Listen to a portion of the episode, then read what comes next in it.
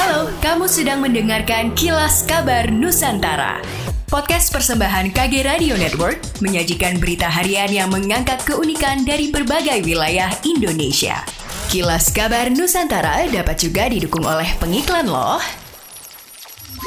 Pemkot Surabaya memberikan target Dinas Sumber Daya Air dan Bina Marga untuk melakukan perbaikan jalan berlubang hingga 100 titik lokasi dengan 100 hingga 120 ton aspal untuk penambalan jalan berlubang per hari, terlebih saat musim penghujan. Skala prioritas perbaikan berdasarkan daftar penanganan jalan berlubang yang dihimpun Satuan Gugus Tugas Pemantau Lubang di berbagai ruas jalan yang tersebar di lima wilayah, termasuk laporan lapangan hingga laporan dari sosial media Sapa Warga, serta call center 112 selain dari surat laporan yang dikirim ke kantor Bina Marga. Sementara ini diketahui, berdasarkan laporan, kawasan atau wilayah yang paling banyak dilakukan perbaikan jalan rusak adalah kawasan Surabaya Barat dan Surabaya Utara. Menteri Sosial Tri Risma hari ini meminta kasus ruda paksa di Cendrana Kabupaten Bone, Sulawesi Selatan agar diusut hingga tuntas. Diketahui korban berinisial J, wanita yang masih berusia 14 tahun, diduga meninggal dunia usai diperkosa beramai-ramai oleh temannya sendiri. Dia mengaku telah berkoordinasi langsung dengan kejaksaan dan polisi setempat untuk mempercepat penyelesaian kasus tersebut tersebut. Hal itu agar kasus tersebut dapat ditangani hingga tuntas sampai pelaku mendapat hukuman pantas, sehingga para pelaku kekerasan seksual pada anak mendapat efek jerah. Menurutnya dibutuhkan kerja cepat dalam penanganan tindak kekerasan seksual terhadap anak. Mensos Rima saat ditemui di Makassar juga menyempatkan mengunjungi keluarga almarhum J. Dia memberikan motivasi kepada keluarga korban agar tetap semangat menjalani hidup ke depan.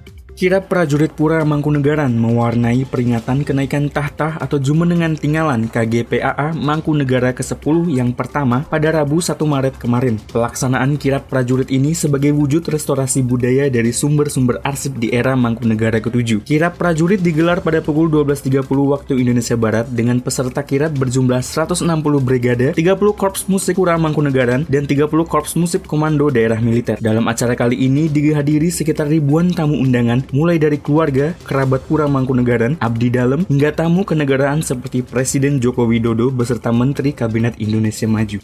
Demikianlah kilas kabar Nusantara malam ini.